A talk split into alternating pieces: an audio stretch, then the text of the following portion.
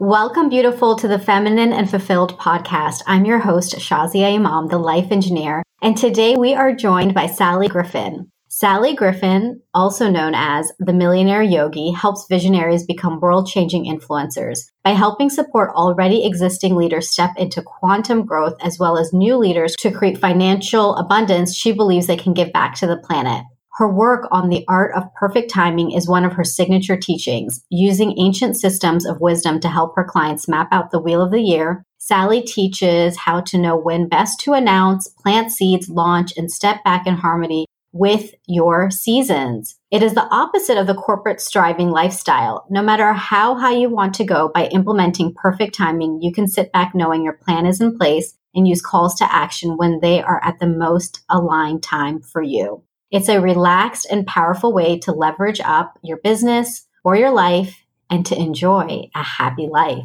Welcome, Sally. Hey, thanks for having me. oh, I'm so glad to have you. And I really want to start about this art of perfect timing because this is something that even I didn't really understand the depth of. So, can you tell us more about what this means, what it is? Yeah, sure. Well, it's something that I have used and been taught myself in many different healing paths. And then I brought it into the business sphere that I work in. I am, as you know, really anti corporate, and I think it's bad for your health. And there's so many things that I don't think work about it, particularly for women, you know, and we're speaking to women on this podcast. So in short, it was created in the Industrial Revolution. And the idea was in order to get a large group of people working at maximum potential for the 1% who are going to get most of the money out of it, it created a form of slavery, really, which is a work ethic slavery. You're a slave to time. You have no time. Most of the time you were an apprentice up, you know, right in the early days. And then you would very slightly make it up a level. And, you know, very, if you're so lucky in your lifetime, you would make it up to two raises in your life. It was all about men and then you die and that was mm. it. And that's the corporate model that we still adhere to and we praise and we want women to squeeze into.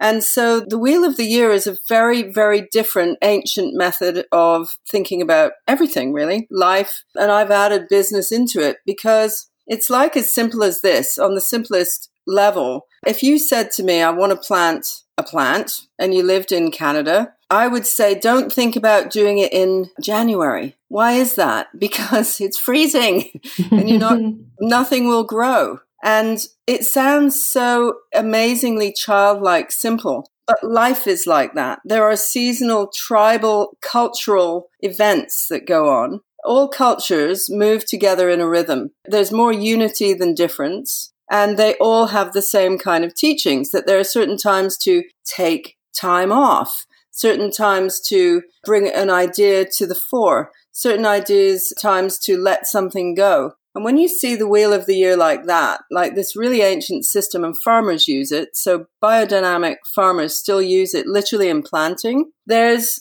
the idea is that there's this rhythm of a cycle. And in the cycle, and we've got moon cycles and solar cycles. So we've got one little cycle going on every month that goes round and round and round. You would tap it into even the menstrual cycle because the word moon and month and menstruation are all etymologically linked, mm. completely linked. So who were the timekeepers? Historically, it was women. And, you know, just to go into a little, I'll go on a bit about this because it's so interesting. Basically, when we were not governed by electric lights or modern life, women were moving with the moon. And so the light of the moon would give you the same kind of timing as a natural cycle of menstruation. On dark of the moon, which is the day before new, would be the time of menstruation. And in certain cultures, it was considered so auspicious that women would hang out in the red tent. We've talked about that, you and I. And the tribal elders would take note of the dreams, the divination, the symbols that would come through. Women who were meditating and hanging out together during the dark of the moon menstruation times. And then when the moon goes to full, you would have ovulation times. So rather than being introverted and gathering information and being quiet and whatever, it was party time. And why was that? Because there was a natural cyclical move towards this gathering together with groups and getting it on, basically, because that's what ovulation naturally caused. People getting together, wanting to have fun, wanting to make babies. There was just a natural thing to it. So we've got that every month, every single month. This cycle is still going. And then we've got the solar year, which also has a similar kind of pacing to it. So, right now, where we are, we're in one of the most flourishing times, May, associated with ancient love festivals and with blossom and blossoming and you know like you just think about it. You want to wear a dress you want to go out it's all of that kind of thing. It's a very different energy than deep in the heart of winter or a rainy day where you just want to go in and be enclosed and be warm and quiet. So this is a bit of a party time actually in the year. And then when you add business into it it's the most successful time to sell property at this time of year. It's a very excellent time to launch products to get your message out there and all of that. So I use it in business as well. But I hope that is that clear? Yes. Oh my gosh. I'm literally taking notes, Sally. I'm like, oh my goodness. I'm like learning so much as you're sharing. I have a full page of notes.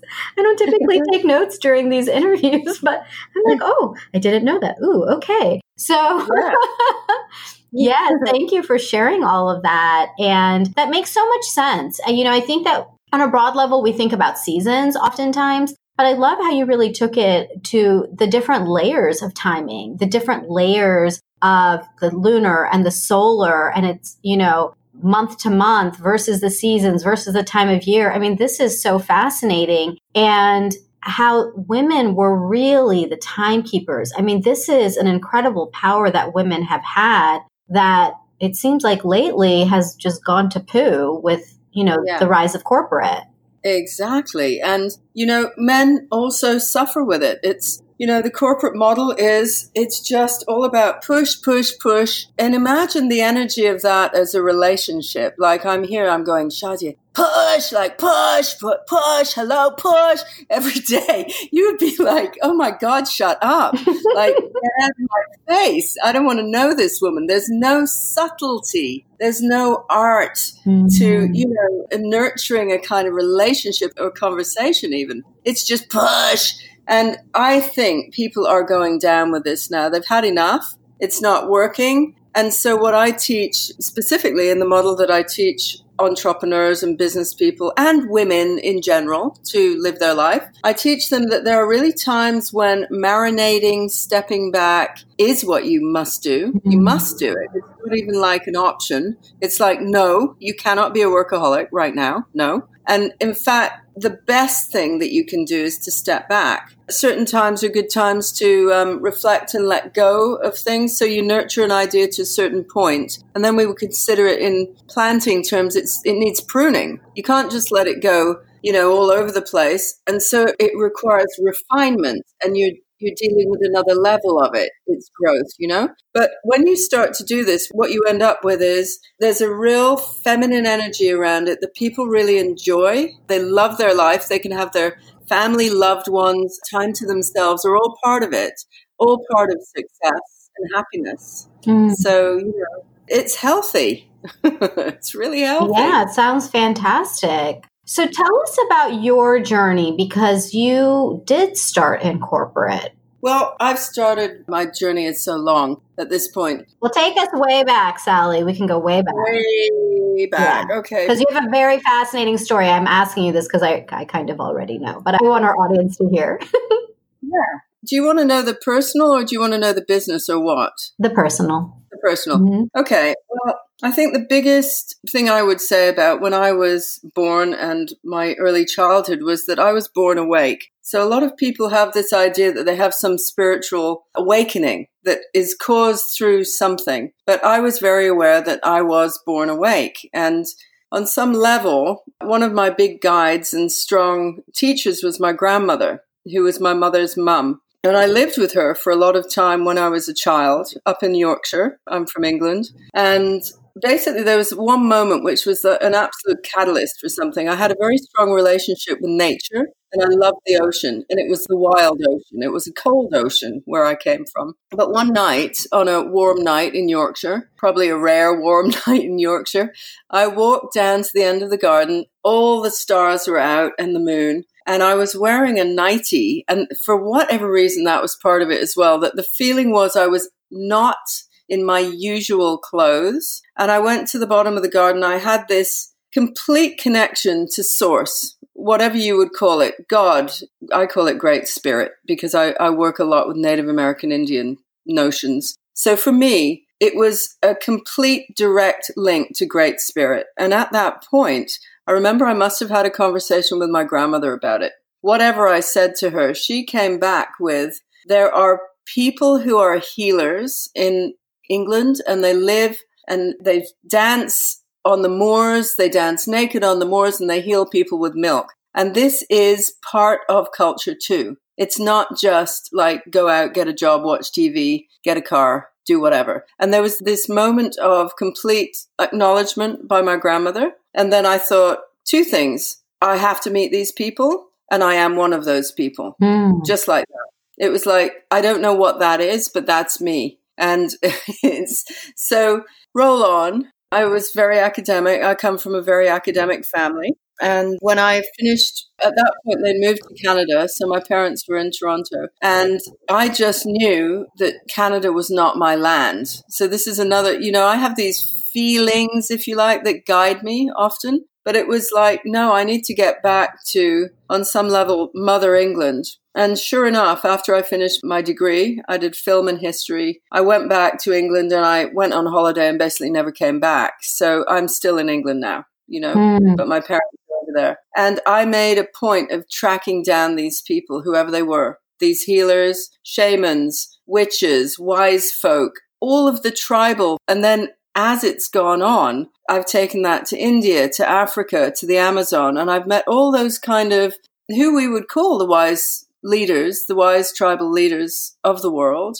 And they completely rock my boat. Like they really are my people. And they're all different colors. We've talked about this before. And then I think, you know, whenever I was in my sort of corporate side, I've found that I was still using a lot of the methodology, the mindset of these people that I'd met who had really trained me in different healing techniques and all sorts of different things. So there came a point when, roll on, years later, I suddenly had the idea that I wanted to stop being a photographer. I was a photographer and I was quite successful. So it wasn't at a moment of doubt. It was actually at a moment of a peak that I thought, nah, there's something else. And I knew that my family and friends wouldn't support me in doing something different because I had already established myself as a photographer.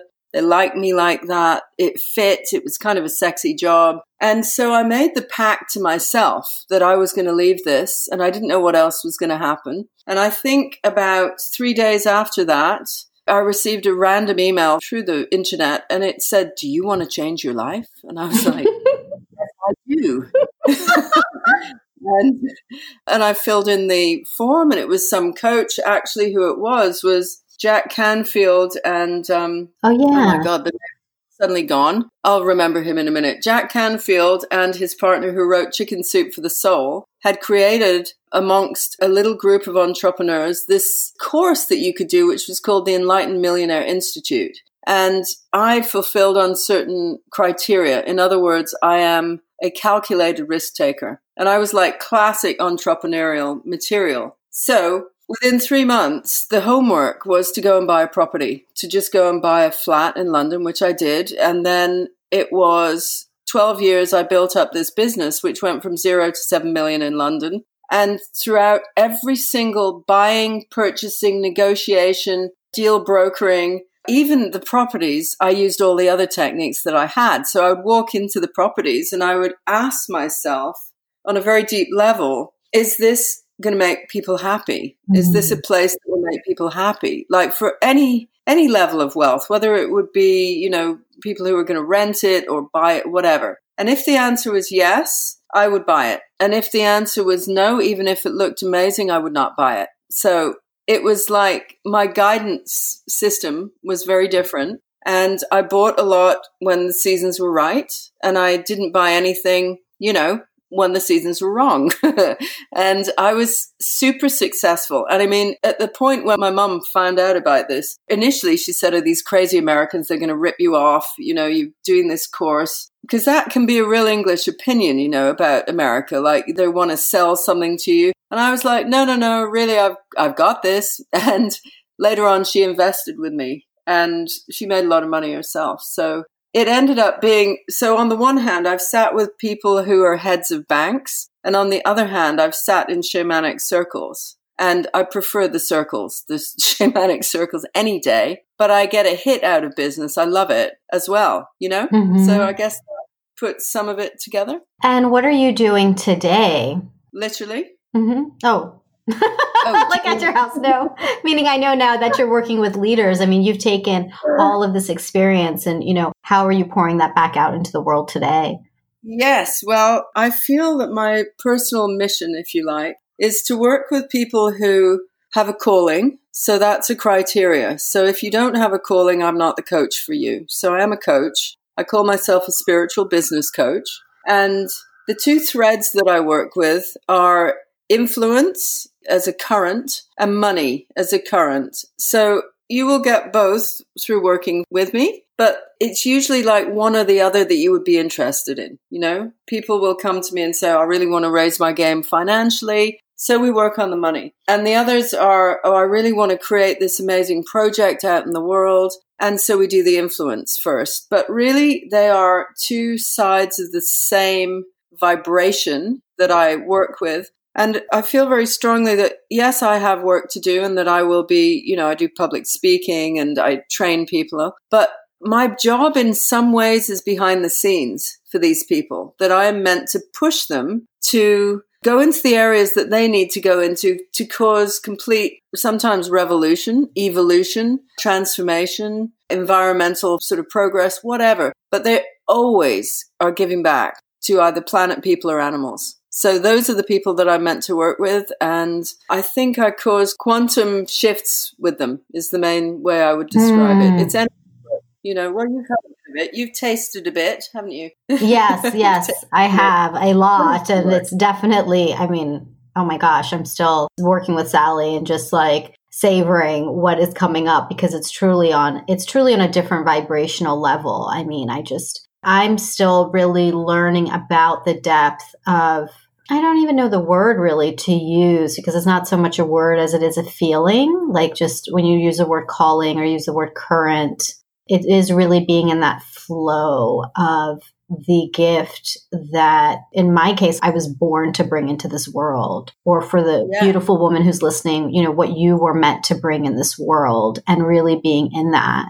Yeah, exactly. And that's why we met, you know. I only seem to know it's such a now, I describe this thing, and I really think this is a good way of, of describing it that we are radio frequencies, and that when you get super clear on what you're here to do on the planet, and for me, very spiritually guided, very connected in on that level, then rather than just sort of turning a knob and you sort of sometimes hit it and sometimes you don't, eventually, with the work that I do, you become a radio channel. So it goes from being intermittent on and off, trying to hit it, sometimes hitting it. But then when you align so strongly with what you're here to do, and then all your messaging and all your actions and all your alignment, then it's like a magnetic force. And you, it's like you become a radio channel. And so it's then consistent and people can check in and they know where you are you know? So, how can somebody start their path? One of the questions really coming up strongly for me to ask you is around currency, frequency. Like you're using these terms. How can somebody tap into that? Or even, I can imagine someone being like, Sally, I don't even understand what you're saying right now. like, I'm not even there yet. Yeah, I get that. Well, I think it's like this you know, when you imagine yourself as a child, before you have had to be something in the world of adults, there will have been pure energy, light, pleasure, fun, and all of those kind of things that you really like to do. And there are, you know, I remember like I was always a massive animal lover, really, as a child, always. And so when I tap into that level of self, when I am really, really attuned to that, I realize that I am meant to speak on behalf of animals. I thought I would be a vet naively at the age of God knows what because I didn't realize it was like seven years of serious science, and I'm so not science. But the feeling of it, the connection with animals, with nature, is so strong in me. Where am I now with it? Well, all of the work that I do has an outpouring towards them. I'm a member of many charities. I rescue kittens. I, you know, I'm frontline on that level. If there's a problem with animals in the hood,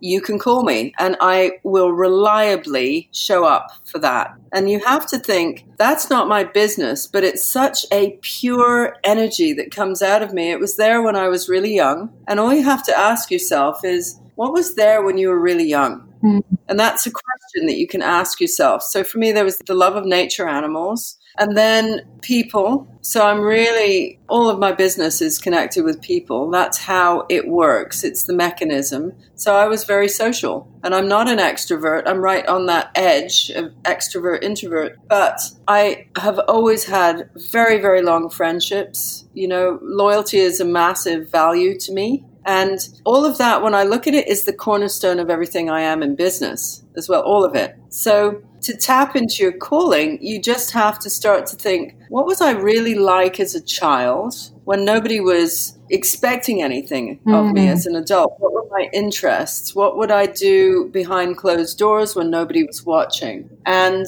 that's a frequency right there, mm-hmm. you know? Yeah, and you know, it's interesting you bring that up because just recently in this past week, I had this epiphany of, you know, this people will talk about, oh, when I was young, I used to like doing something. And then it always really relates to what they're doing today. And I've always been fascinated by that. And so sometimes I try to think back, like, what is it that I really liked? But I always just really liked hanging out with my friends. Like, I really just enjoyed yeah. hanging out with my friends. And just in the last week, I realized, oh my gosh, that is what I'm doing now. I really feel like I'm hanging out with my girlfriends. Now, my exactly. group of friends has gotten substantially larger because it spans across the entire world and even people I may not know. But I realized that for a long time, I was almost poo pooing it and thinking, well, that's not really a thing. You know, that's, but it is a thing. That's my thing. Yeah, it's your thing. And if we were to, you know, you put 10 kids from all different cultures and you watch what they do on their own when nobody is like disciplining them or telling them they have to do something, they will be doing different things. Totally. And that's what you want to tap into. That's the first sense of calling. I think calling innately has a much bigger connection though. You know, I think it's often spiritual. Mm. By the nature of the word calling, you are called forward. You're called into being. And I suppose the other way I would look at it is if I said to you, Shazia, at the end of your life, I'm sure I've said this to you before, but it's the last day on the planet. You are hanging up that bag of bones and you look back at your life. And is there a sense of satisfaction that you fulfilled mm. on hmm. something? Fulfill on the entire essence of who you are. And if you said to me, well, my only, you know, my life purpose was to go to work, come back, in a car, watch TV. That is not a calling. that is not a calling. That is just what we do. The calling will always be something that it could cause regret at that point if you look back and you think, oh my God, I never did that. Mm. I never you know, whatever. It's legacy is part of it as well. But that's all the work that I do right now is all on influence, how to cause influence in the world, how to cause legacy. Projects that cause immense good deeds all over the world means that people have to make money to do that. So it's the two sides of it. One is a current of money, energy. The other is a, current of expression. Mm. And who are you? Mm. So let's talk about that the current of money and share what that can look like because there are a lot of beliefs that we have as a society, as individuals around money. And oftentimes we don't hear the conversation as you're sharing today of like this deep spiritual calling and money. Like that's just not a typical conversation that people have. No, it isn't. Well, I think that there will be a point at any time I, I work with people deeply, we have to take apart the money piece. We have to. Because mostly your opinions and attitudes around money will be inherited. most of it comes, it's like sex and money. They're so emotive. Mm. You can't just, it's not neutral. It's already got such a hit. And so a good example is like, have a look at the music videos with a lot of rap artists and young black guys, especially in the States, right? We have them in England too. But when they talk about money, because it hasn't been something they have had, then what you get is this representation which is really harsh. It's like, hey, the money, the drugs, the babes, the, you know, all of this bling. And you literally see them like throwing money all over the place, you know? Mm-hmm. It's like, it has to be seen because there was a lack. If you were to educate and give these guys, I would say, a bit more of a great role model of self worth, then it would be much more subtle, even in the videos that you'd see about the way that they represent money. And you can see that with people who have more self worth. You really can. Like great leaders who don't need to show the bling all the time because the message is not about, you know, like when I make it, I just want to make money. So money is it's so hot a topic that you are going to have to deconstruct something before you can get to the current if you like. In my case i had to go on the journey of i have a family of academics. They don't like money. They think money is dirty. They think all rich people are you know horrible cold corrupt. My dad still says you know, if you just let him sort of go off, he's an environmentalist. So he's always working. He's like the good guy who's always fighting the governments, right? But he pretty much will say this sentence that, you know, they're ripping you off mm. all the time. I must have grown up with that sentence, like, you know, just as background noise. And so when it came to a point when I was understanding that I was the only one in the family whose business, who's has any interest in business. Everybody else is academic. So I was explaining to my family, hey, and guess what? I've gone from creative. That was okay to be different and be creative. But then business, that's going to be a little touchy because they think all rich people are horrible. So I had to have the conversation with them. I had to deconstruct it in my own life first and to realize that some of the best people on the planet. So I'm going to give you my hero, my most amazing. He wasn't my personal mentor, but I look at him all the time as a mentor. Prince, right? So he's somebody who has come from no money. He's got extreme talent. He's a genius with music. He's black. And what do we know about Prince besides his audacious, wild side? Now it's coming to light. He was constantly, constantly, constantly giving. Mm. Constantly. He was funding schools for underprivileged kids. It's just all sort of coming out now because he died young. But that to me is an amazing example of somebody who it could have been all about the bling, all of this, but actually when you see his music and you see his play of how he works with black and white musicians, it's all love for one another. Of course, the current behind the scenes which is less obvious, is that he's giving tons of money away and funding massive projects. Now, that to me is the height of how to use money. So you can have an audacious life, you can be as wild as him, but you also, what is going on the backdrop is deeply spiritual, deeply connected to his people and educating people, right? With a different role model. Mm, yeah he had to deconstruct it himself to do what he did. And I think everybody has to, to just think what are the sentences that your family say about money? Oh my gosh, yeah. I mean, I also grew up in a home where the focus was always on education. And, you know, there was no sense of business. It just, you know, that's just not what our family did from both sides. And my father grew up in poverty and my mother, she did grow up privileged, but it was from a place of being highly educated. So that was always the emphasis was education and that business yeah. is too risky or business isn't what we do because we're highly educated and there's a prestige to that. Yes. And so, you know, it was, it, it's very interesting to just grow up in these different experiences. And for me, having to deconstruct a lot of money stories. And, you know, it's not that they're good or bad. It's just that there are stories that I no longer wish to carry forward because I'd like to have my own story around money. And this piece about it being something that can then be an opportunity to give, that it can be something spiritual has been something that I definitely had to work with because we are not taught that. I mean, I don't know that anybody is really taught that unless you happen to have a very enlightened family around money. It's as a society, we really have a lot of beliefs about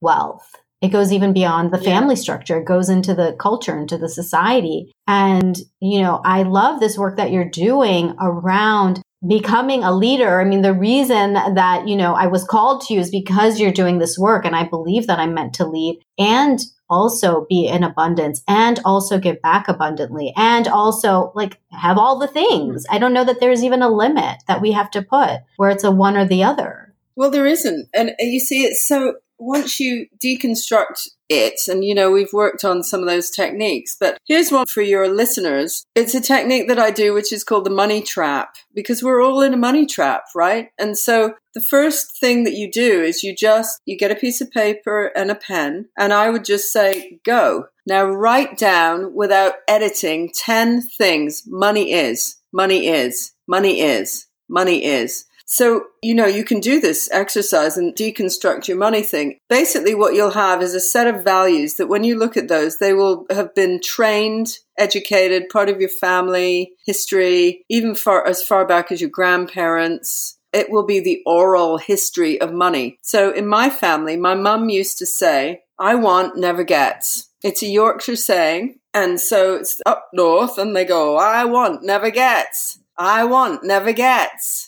I want never get. No, I had this as a kid, right? It was like, ah, and I'm teaching, I want gets. Hmm. I want gets. You know, it's the opposite. So I had to see this written down. Like for me, money is, it's one of those things that was like, if I want it, I'll never get it. And how they use that phrase is to say it to whining children. So, you know, it'll be a kid who wants sweets in a shop. You know, I want sweets. And they'll just go, I want never gets. And it's a horrible put down, but it stops the kid whining. So when you look at your 10 statements, if you've gone the route of sort of a wild hippie child and you're looking at things and you're trying to, like, money is love, money is fun, you can be sure you have trained yourself in that because nobody teaches you that, right? Ever. So what you want to look at is what comes out of you initially with 10 points. And then shut your eyes, take three deep breaths to just clear the space. Keep your eyes shut and you just inhale and exhale three times. And then you go back to that list and you cross out whatever you've put and you put the exact opposite. So let's say, you know, money is the root of all evil, might have been one of yours. Or money is love might have been one of yours. Then you cross them out, and money is the root of all good would be the replacement. And you cross out love, and it would be money is hate. Now, the second list that you've got there, the only observation you have to make is that they are both valid. That's it.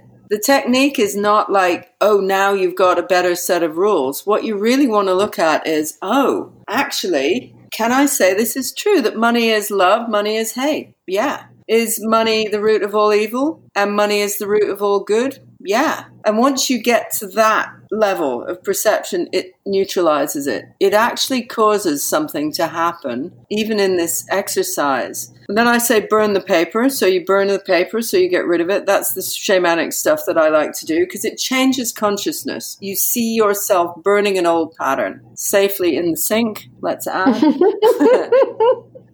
or else that isn't going to cause a wildfire. And you were able to, for the first time, perhaps started to step into, oh, actually, money is just all these different opinions. Then you can work with it. And yeah, and then you can attract it. So for you, I know we spoke recently, there was something that you were saying, I'm not sure I could ask for these specific things in the work that we were doing, specific grandiose things. And the work is not to ask for the thing. The work is to ask for the feeling that you get from the thing. Mm. So when I went into these properties that I was potentially buying or not buying, my question was not, is this going to make me, you know, tons of money? The question was, would somebody be happy living here? Mm.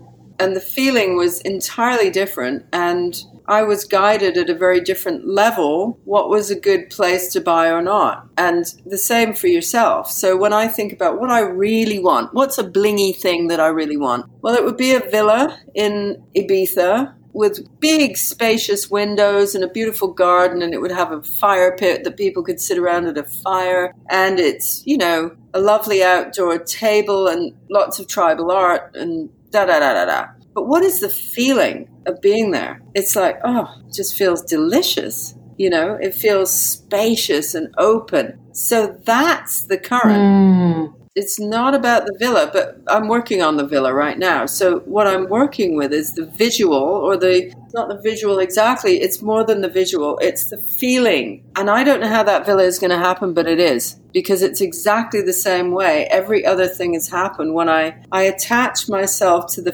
feeling of the thing that I want. So for me, there's no price on that. I have no idea how much that villa costs, right? At all. It's not in that context. It's more in do I deserve that? Yes, I do. What will I be doing? I'll be inviting a lot of people who are leaders there and influencers to have high level conversations to change the world, to bring peace. And how will I feel? I'll feel so proud. I'll feel so amazing. Like, you know, talking to all of these people. So that's the villa, and that's how I'll get it. Mm, yes, and I will be visiting you there, Sally. I would like to be one of your guests. we'll be sitting around that fire pit having a nice drink, looking at the fire. Yeah. Yeah, I can actually imagine it right now. I can feel that. Thank you for sharing and thank you for sharing the exercise as well because I remember doing that exercise. That was the first time I'd ever seen you speak and I remember doing that exercise and when I did the the first part of it, I was like, "Oh my gosh, this is going to be so powerful and she's going to like totally help me to like shift out of these like beliefs I've had." And when you said at the end that, you know, they're just the same. You know, there's they're all true and now just like go burn it. I was like, this is so much better than I could have even imagined because, you know, a lot of times the work is let's undo the beliefs, let's work on the beliefs, let's change the beliefs. And, it, you know, to really see like it's actually quite neutral and let's just move on. like I was like, yeah, yeah. yes. exactly. You know, and how's it going to work for you to go around and say money is the root of all evil? It's not really going to work for you, is it? But what might work better is money is the root of all good when I'm doing something to cause great, wonderful shifts. Yeah. That other one doesn't serve me. So dump it. Yeah. Well, thank you so much, Sally, for everything you've shared so far. And this is just the tip of the iceberg. I mean, I know that there's so much more depth and knowledge and wisdom that you share. And I know that people listening are going to want to connect more with you. So, how can they do that? The absolute best way to connect with me on quite a personal level is my business page, which is a Facebook page called When Business is Pleasure. You can also contact me on my website is Millionaire Yogi, Millionaire Yogi, because I do a lot of yoga. and you will find a contact form there, and you can always send me an email and I can always hook you up. You know, you can find me on Facebook, wherever, or Instagram, but it's all Millionaire Yogi. But when business is pleasure, I actually communicate a lot with people there. So that's a good one. Beautiful. And we'll put that on the show notes, which you can find at thelifeengineer.com slash podcast slash Sally. We'll put all the ways that you can connect with her. And I highly recommend it. If you feel really called right now, if any part of this episode you just, you know, you kind of felt like the tinglies or the goosebumps or just that feeling inside where you're like, ooh, I really resonate with this, then I would highly recommend reaching out to Sally because there's very few people like Sally. In fact, you are one of a kind. I have to say that. And every time we speak, I learn so much about the world and about myself in a much more quantum way. I'm going to use your word. It is quantum. so thank you, mm-hmm. Sally, for being in this world and for being aligned with your calling and sharing that with us. Thank you for having me. Yeah. oh, and one last thing before I forget, I wanted to give you a really special gift because how could I not? I actually have a list of my favorite things that make me feel feminine and fulfilled. And I would love for you to have it so that you can grab whatever you want from the list. So if you want to see my list of my favorite things, go to thelifeengineer.com slash favorite. And it is a full list of all of the things that I love and all the links for you to grab them. So that's thelifeengineer.com slash favorite. And I just had to give you a gift, beautiful, because um you deserve a fabulous gift. And why not all of the most favorite things to make you feel feminine and fulfilled? Okay. Love you.